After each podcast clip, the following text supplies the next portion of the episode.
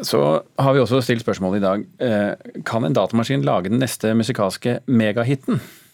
Ja, sier musikkteknolog Alexander Jensenius. Det kan eh, den kanskje gjøre, og mange er enige med han i det. Blant annet så har plateselskapet Warner signert kontrakt med en kunstig intelligens.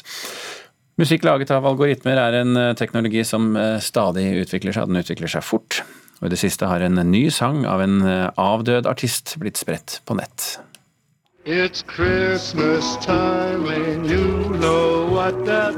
Dette er en ny Frank Sinatra-låt. Eller er det det? Oh, touch of time.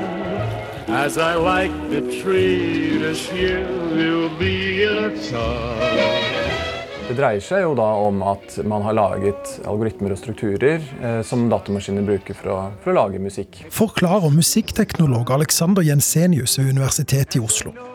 For Sinatra-låta, som kom i år, 22 år etter hans død, er laget av datamaskiner hos den amerikanske forskergruppen OpenAI.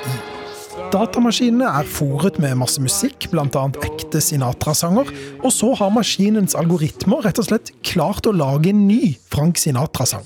Jeg tror nok vi er ganske nærme at uh, musikk laget utelukkende av datamaskiner kan bli en, uh, en stor hit. Er det ikke mye som er problematisk med det? At ikke mennesker står bak? Det kan man si, men jeg tenker jo at det også åpner for veldig mange spennende ting. Spennende ting, ja. For kan f.eks. en datamaskin lage en Frank Sinatra-versjon av Britney Spears sin megahit 'Toxic'? Du kan jo bedømme selv. I'm addicted to you. Know that you're toxic. Jo, altså vi, vi er bekymra. Selvfølgelig er vi det. Sier Ole Henrik Antonsen, som er styreleder i NOPA, Foreningen for komponister og tekstforfattere. En utsatt gruppe hvis datamaskiner kan ta over jobben deres. Det vil nødvendigvis føre til mindre um, inntekt for våre medlemmer, det er helt klart. Men har datamaskinene, eller selskapene som har laga de, rettighetene til musikken og kan ta penger for det? Når datamaskinene i utgangspunktet bruker musikk som er laget av ekte mennesker? Jeg tror det er problematisk i forhold til rettigheter. Jeg tror, jeg tror ikke det kan brukes uten noe videre, uten at noen blir saksøkt. Mange er redd, selvfølgelig, men, men, jeg tror at eh, de fleste føler seg ganske trygge på at det er et stykke igjen til datamaskiner å konkurrere ut mennesker. For dette er en teknologi som allerede har vært brukt lenge i produseringen av musikk. Men teknologien utvikler seg stadig. Så hvor nært er vi egentlig nå at datamaskiner tar over musikkindustrien? På noen måter langt unna, på andre måter svært nær, sier Daniel Norgård, førsteamanuensis ved Universitetet i Agder på Instituttet for musikk. Jeg tror at det kan bli en utfordring på enkelte områder, f.eks. Som, som bakgrunnsmusikk på kjøpesentre og på butikker. og den type ting, Så tror jeg at det kan bli en utfordring. For hvis man kan produsere uante mengder med nesten lik musikk uten de samme kostnadene, og hvor man ikke er nødt til å, og man kan selge dette til aktører som kjøpesentre og kleskjeder, langt under den prisen som de f.eks. må betale til å få lov til å bruke Bjørn Eidsvåg sin musikk. Da har man en, en utfordring, et, et, en vanskelig konkurransesituasjon. Så siden Nordgård nevnte Bjørn Eidsvåg, så kan vi jo ta og ringe han. Hallo. For hva syns han om dette? Så jeg er jo rimelig fortvila over denne utviklingen, men, men, jeg vet ikke noe om det ennå til, til å sutre for høyt. NRK har forsøkt å få en kommentar fra selskapet som har laget Sinatra-sangen, uten å lykkes. Og reporter her det var Christian Ingebretsen. Postdoktor i musikk ved Universitetet i Oslo, Anja Nylund Hagen. Velkommen til Nyhetsmorgen. Takk, takk. Hva tenker du når du hører uh, kunstig intelligent lage musikk? Jeg tenker jo selvfølgelig at det er spennende når musikk eh, kan gjenskapes. altså Når maskinene kan bli så gode at de kan gjenkjenne strukturer, melodier, rytmer harmonikk, eh, tekst, og klare å gjenskape det. Men samtidig kan jeg også godt forstå at musikkbransjeaktører, helt sentrale roller, komponister, produsenter, artister, eh, blir stressa av det her. Fordi det er jo en eh, form for robotisering av helt sentrale roller i musikkbransjen. Men vi musikkinteresserte tenker jo på at det vi hører er så mye mer enn bare det vi hører. Det er identitet, og det er tilknytning og alt mulig sånn. Eh, historie, liv. Kan kunstig intelligens erstatte det også? Um, det vet jeg ikke, men det, det, du sier, vi musikkinteresserte, det er jo interessant. For de kommer an på hvilket øre som lytter. Og ikke minst uh, alle de ting, andre ting du sa om, om følelse, motivasjon, engasjement, formidling. Uh, det kommer også an på hvilken lyttesituasjon man er i. Sant? Så om du har musikk som bakgrunnsmusikk, som jo er et modus på kafeer og på treningssentre og i veldig, veldig mange steder hvor musikk konsumeres og faktisk genererer inntekt Hvis den musikken er kunstig kunstig intelligent skapt, så vil jo ikke det generere noe inntekt til de eh, opphaverne som sitter og vanligvis har tjent på dette. Og En annen ting er jo hvordan publikum lytter i strømmetjenestene. For der er det jo også mye mer sånn spillelister, hvor på en måte spillelisten er eh, det nivået lytteren forholder seg til, og låtene ikke nødvendigvis eh, lyttes på med samme bevissthet. Og Det vil jo også bety at hvorvidt det kommer låter inn der som er kunstig intelligent skapt eller menneskelig skapt, det er ikke sikkert at alle lyttere er kritiske til det, og i hvert fall ikke i alle lyttesituasjoner. Mm. Du, du, har jo forsket på dette med forvaltning av rettigheter, eh, forstår jeg. Eh, er det, er det god grunn for artistene til å være redde nå?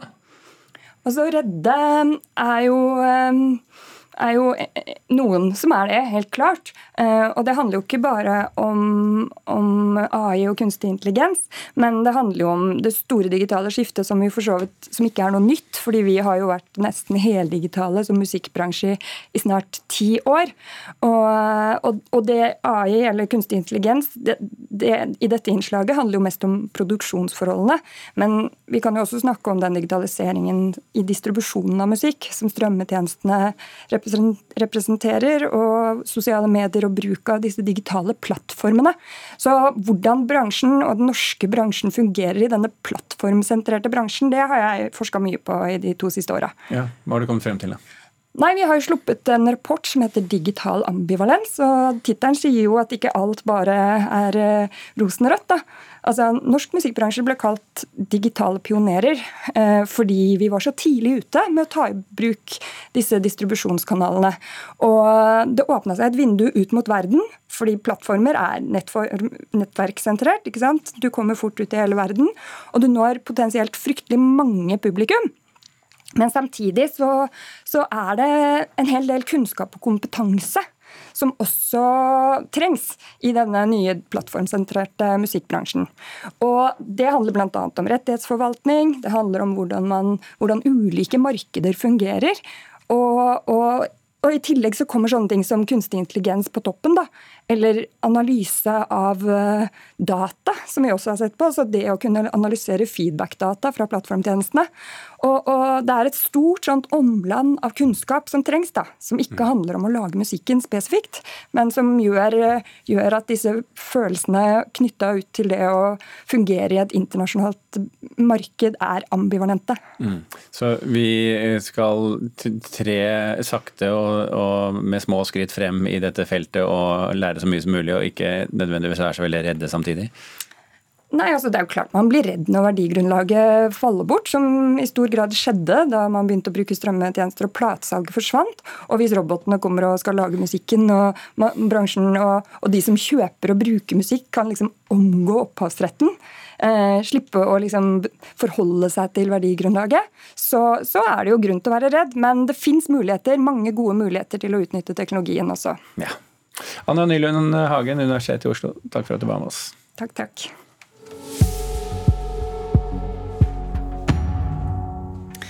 Så til den amerikanske regissøren Spike Lee, som er mest kjent for mange for filmer som Black Clansman, Malcolm X og flere dokumentarer om Michael Jackson.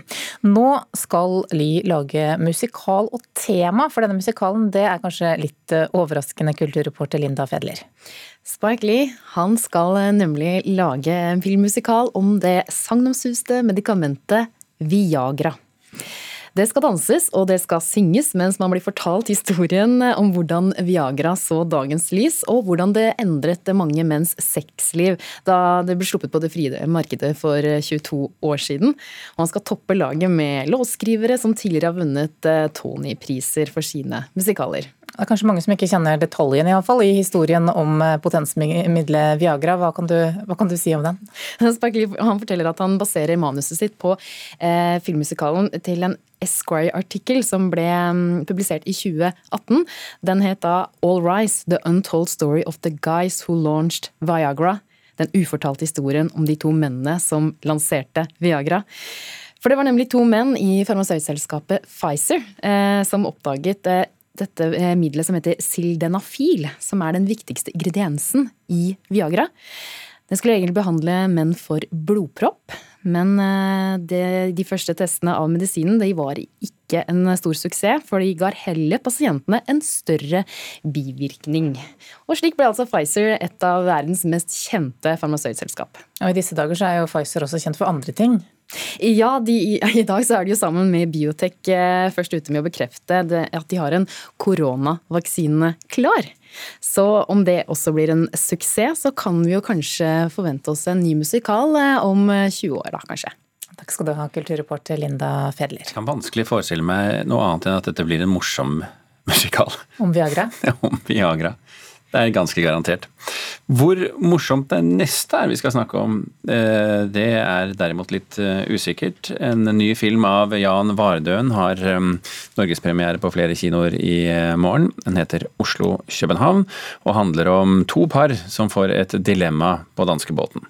NRKs filmkritiker Birger Vestmo sier at dette er et godt drama med skuespill av høy kvalitet. Hva sa du for noe nå? Linn spurte meg nettopp om jeg ikke kunne tenke meg å være hennes surrogatmor. Jan Vardøens fjerde spillefilm ligner et lite kammerspill, der han setter fire figurer i en kinkig situasjon på et sted med begrensa muligheter til å komme seg unna, nemlig danskebåten. Oslo-København handler om krisa som oppstår i to parforhold med sviktende verdigrunnlag. De er bokstavelig talt i limbo mellom avgang og ankomststed. Manuset, skrevet av Vardøen og Benjamin Nobel, i samarbeid med de fire hovedrolleinnehaverne, stiller noen interessante spørsmål som nærmest tvinger publikum til å vurdere egne valg og meninger. Det tar litt tid før filmens egentlige dilemma presenteres, og hvis man skal pirke, kunne man ønska seg et enda dypere dykk ned i materien.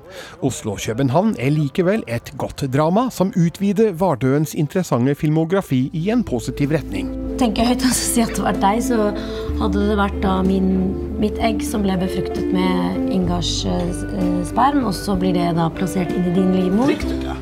Linn, spilt av Rudi Klas, driver et inkassobyrå i Oslo, og inviterer sin betrodde regnskapsfører Ingeborg, spilt av Katrine Thorborg Johansen, på tur med danskebåten.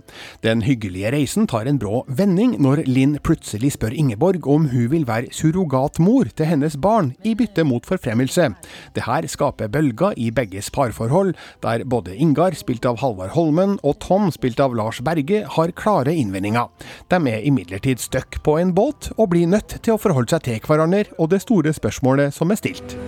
Og så er det jo som en helt vanlig graviditet, bortsett fra at det er jo ikke ditt barn. ikke sant? Jeg skjønner. Mm. Det er liksom det eller sparken.